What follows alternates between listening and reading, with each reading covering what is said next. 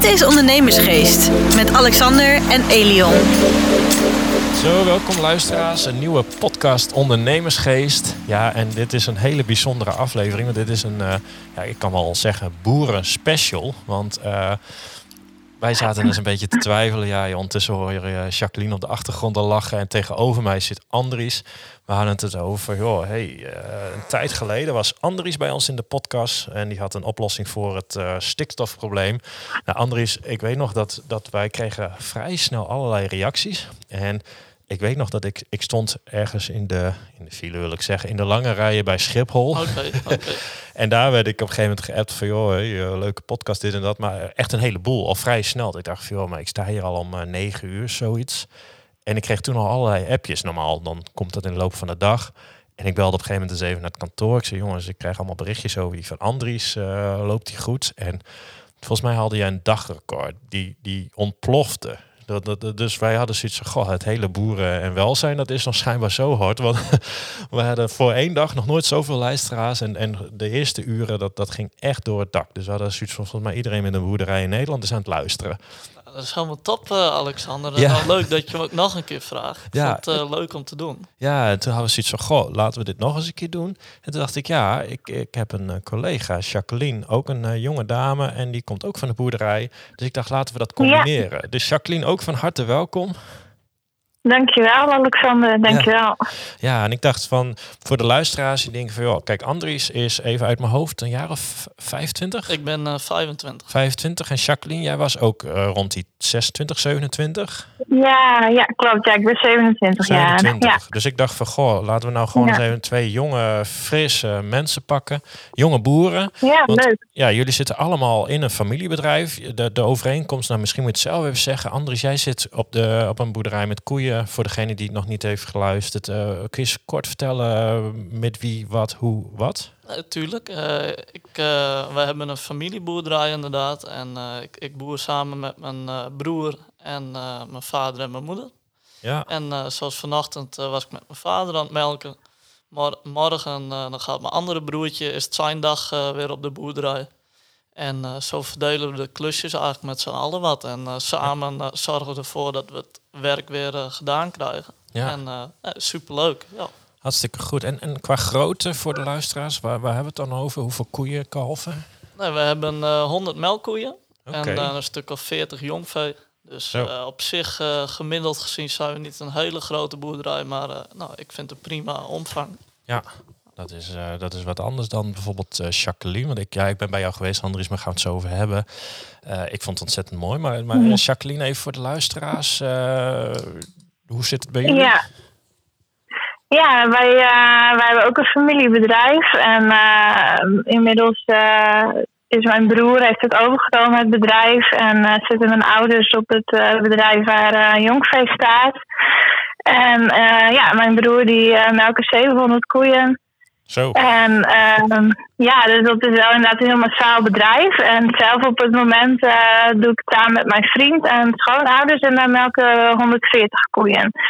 Zo. Dus het is uh, aan alle kanten van de familie hebben we dan melkkoeien inderdaad. Ja. Hele verschillende bedrijven en dat, nee, dat is natuurlijk overal. Je kunt geen boer met elkaar vergelijken eigenlijk. Ja. Maar ja, dit is wel een groot contrast.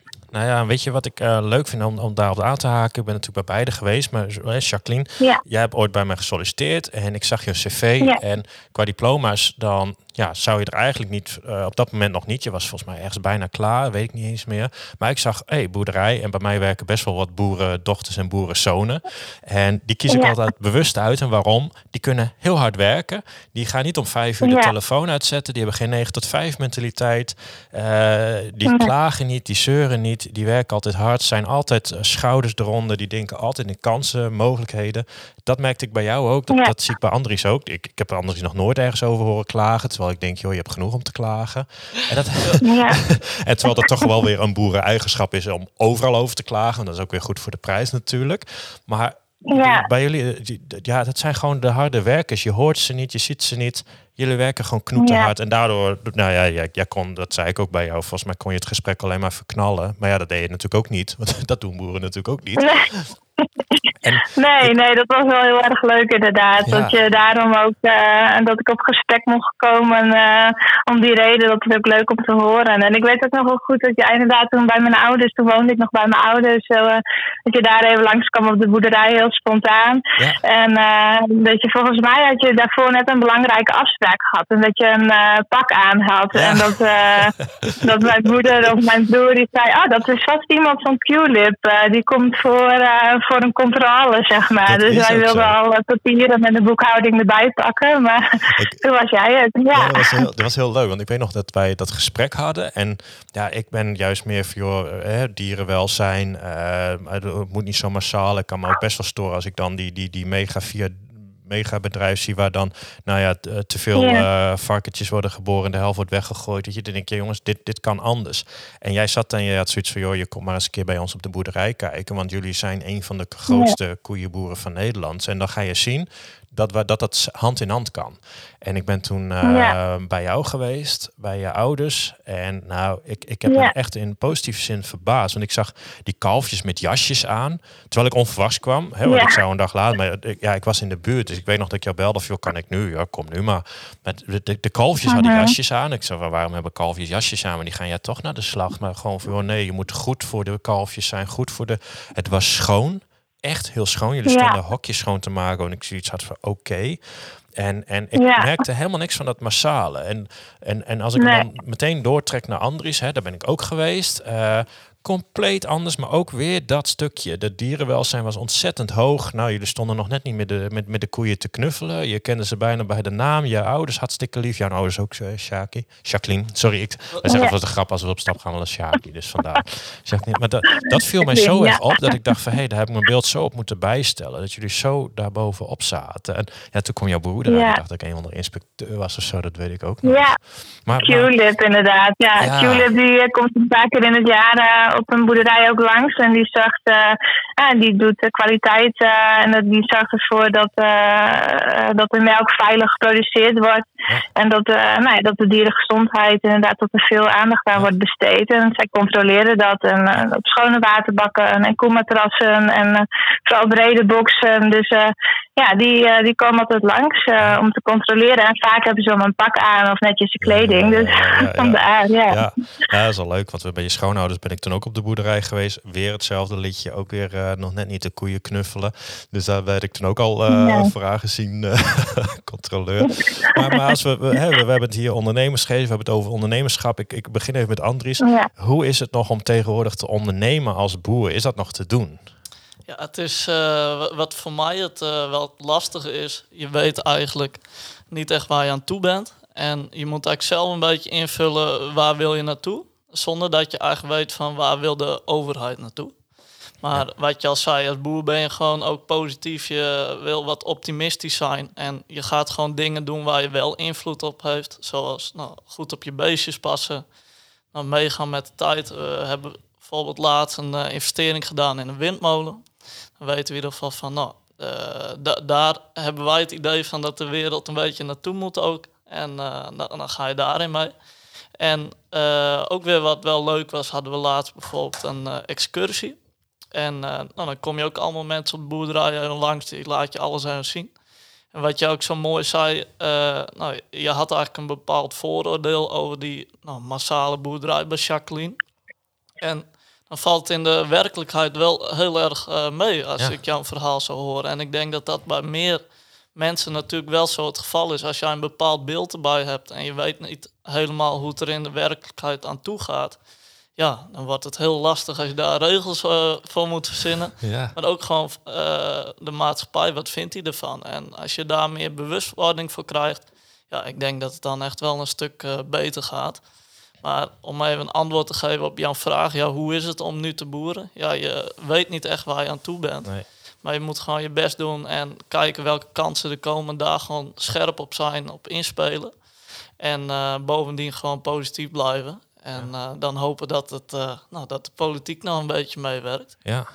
Nou ja, en als ik hem dan naar, naar jou, Jacqueline, hè, Andries, rond 100 koeien, jullie nou ja, ik denk tien keer zo groot. Dus een heel ander bedrijf, maar ook weer niet. Hoe is het voor jullie om nog te boeren in deze tijd? Want als ik hem dan bij jou ook nog even doortrek. Er was ooit dat wereldberoemde kaartje uitgebracht met allerlei boerderijen die weg moesten.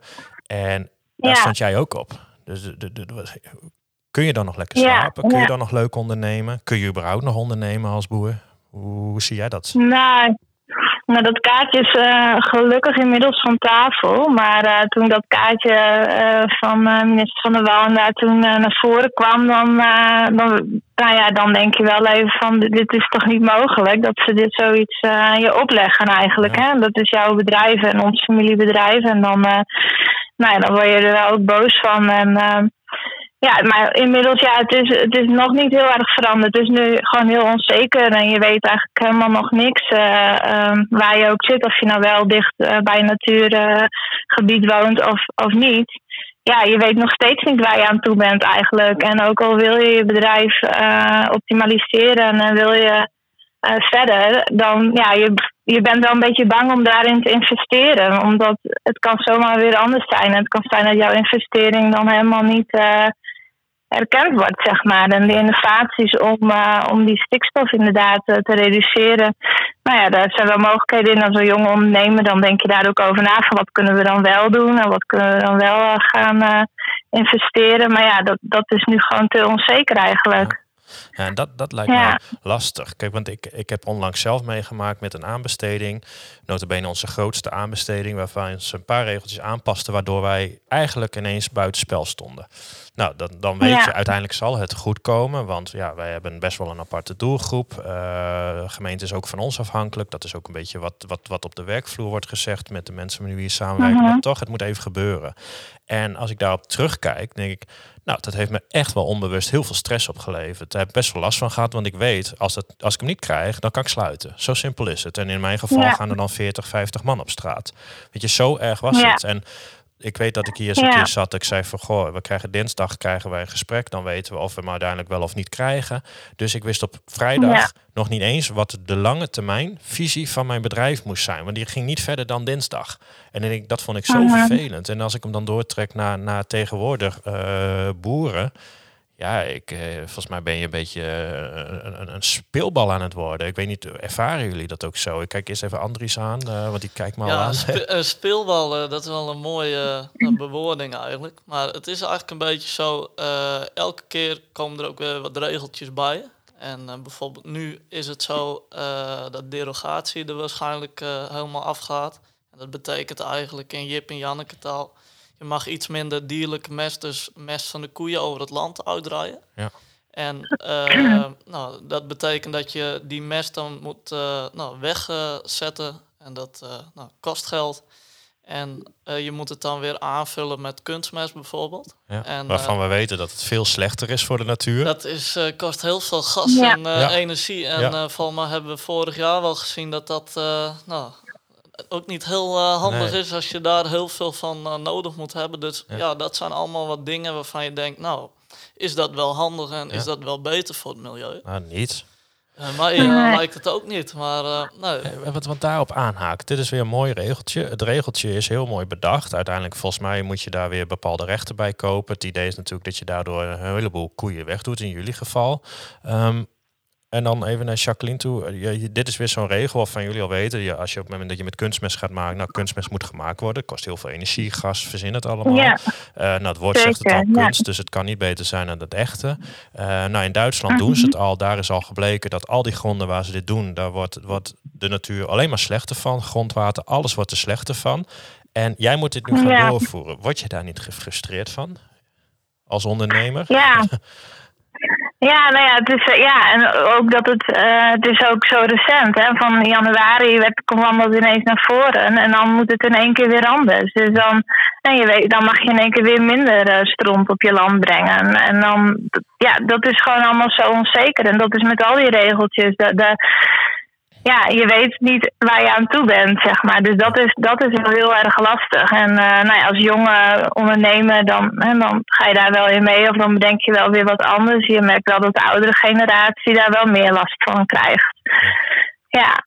En dat Ja. die wel eh, nou ja, minder, daar minder goed van kunnen slapen, om het zo maar te zeggen. Ja, Ja, precies. En Ja. kijk, we hebben het heel vaak ook eh, in Nederland over familiebedrijven. Hè. Familiebedrijven zijn volgens mij de motor van deze economie. Maar volgens mij is elke boer ook een familiebedrijf, toch, Jacques? Jacqueline?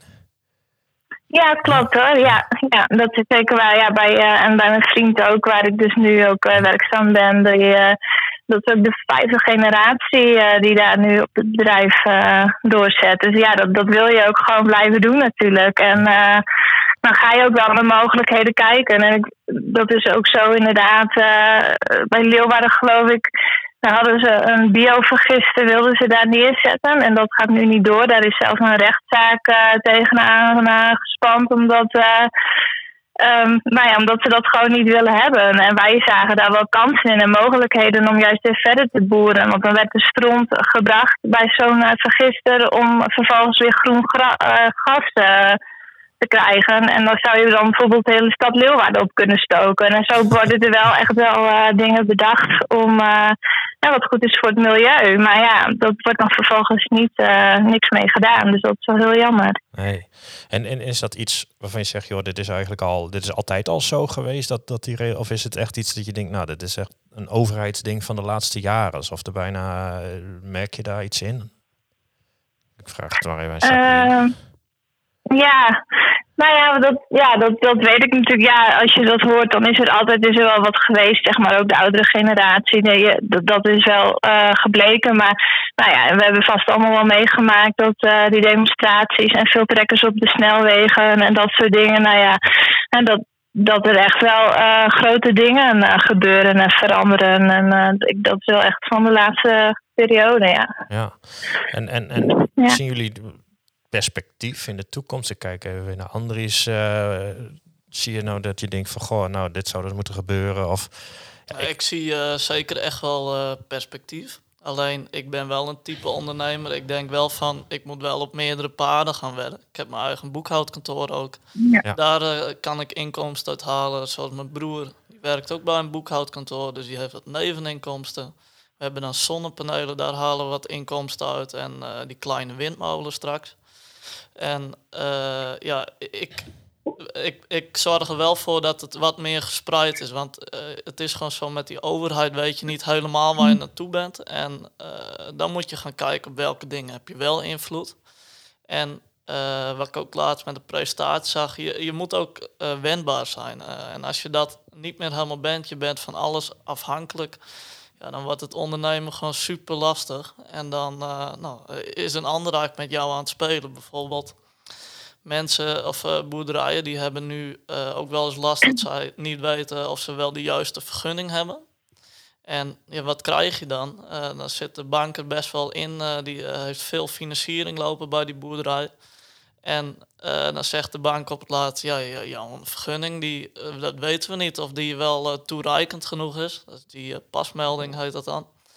En dan zeggen ze gewoon, ja, we moeten de stekker eruit halen of we, we halen binnenkort de stekker uit. En dan krijg je echt situaties dat je echt, denk ik, niet kan slapen. En dan heb je gewoon nergens meer invloed op. Ja. En dat zijn situaties, daar, daar, daar, dat moet je echt gewoon voorkomen. En, eh, Ja, ik, ik vind dat ongelooflijk. Want ik hoor dan ook bijvoorbeeld vissers. Laatst een andere podcast was eh, volgens mij van Op z'n kop.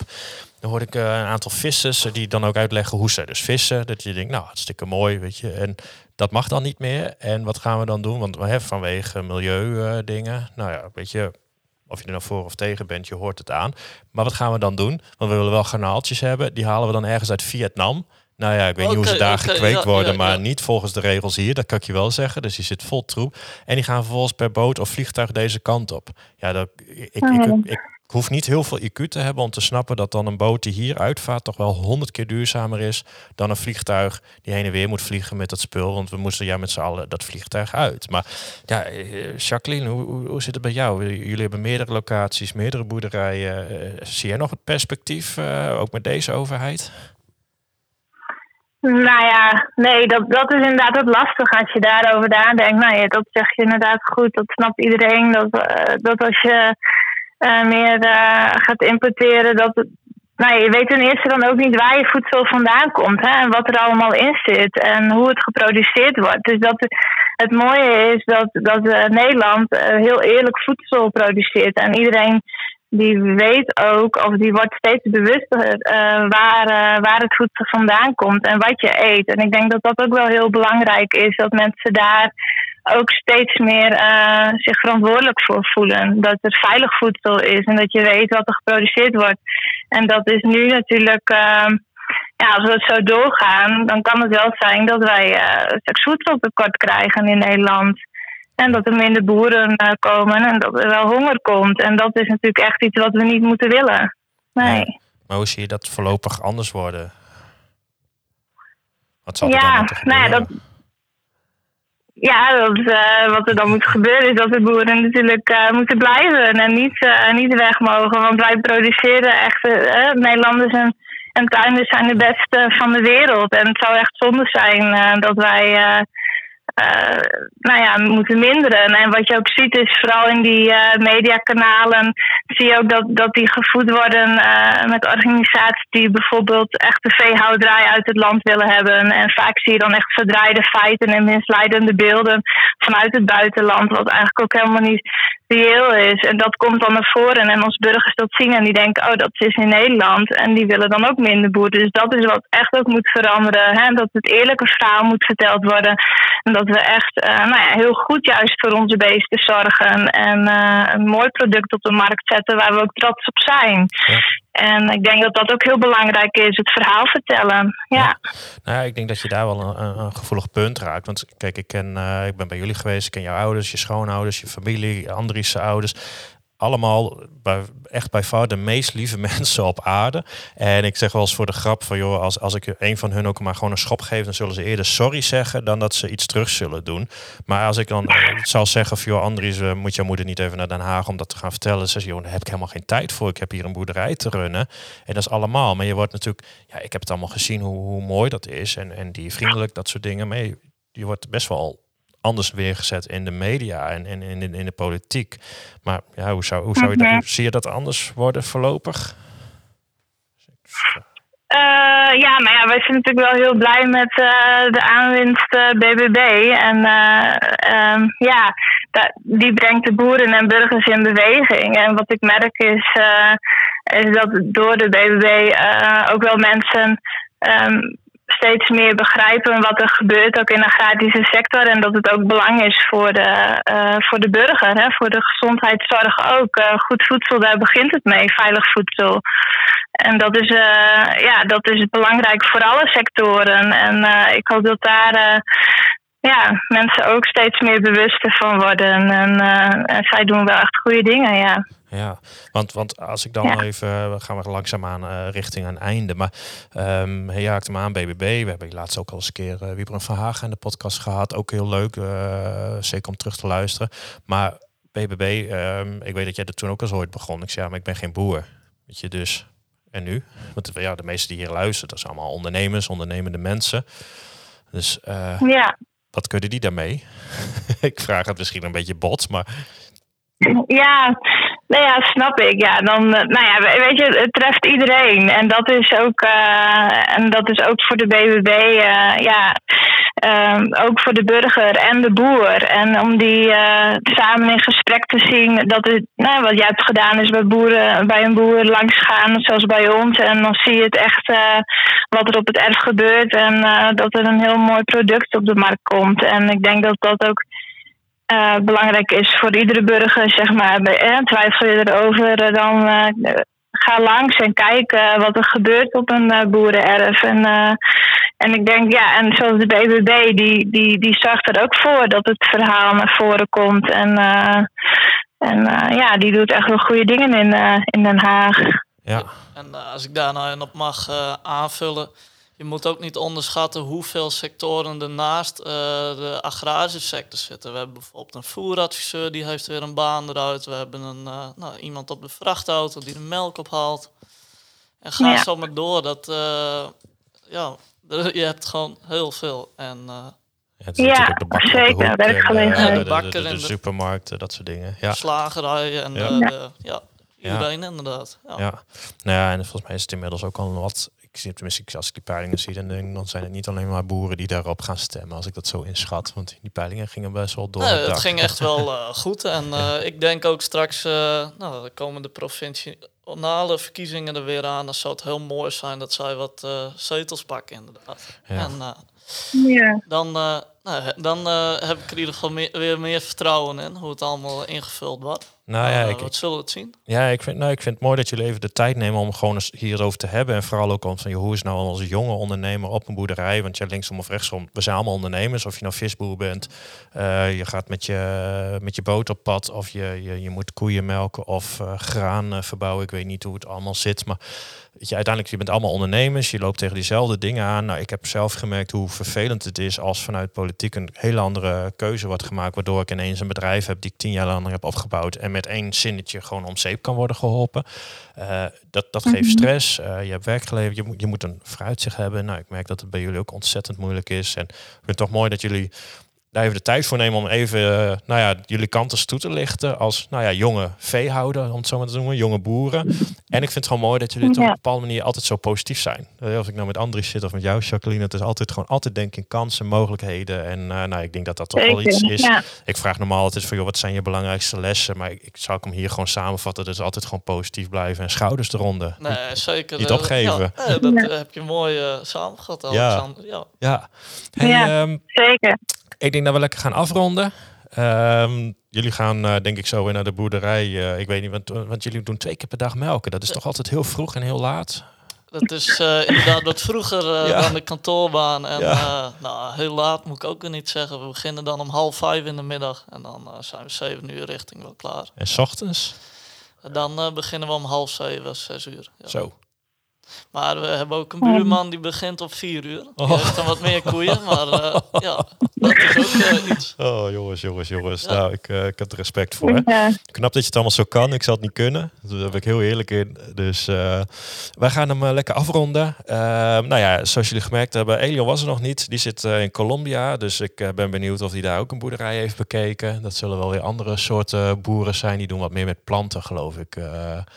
Eh. dus eh Andries zit ondertussen al ja te schudden en te lachen. Dus we maken elke keer de grapjes dat Elion een nieuwe importhandeltje gaat beginnen. Oké. Maar als ik de beelden allemaal zie, dan is het allemaal heel mooi. Oh, mooi dat dan? Ja, Jacqueline eh, vanaf eh, de boerderij eh, waar jij zit, ontzettend bedankt Ja. dat je even wilde inbellen. Andries, eh, ontzettend Ja, bedankt. jij bedankt. Geen dank, En eh, Ja. we zeggen tegen iedereen, eh, wil je meer van ons weten? Ondernemersgeest.podcast op Instagram, ondernemersgeest.nl, eh, Elion onder Elion Kingishi en ik onder De Relaxte Ondernemer, ook allemaal op Instagram.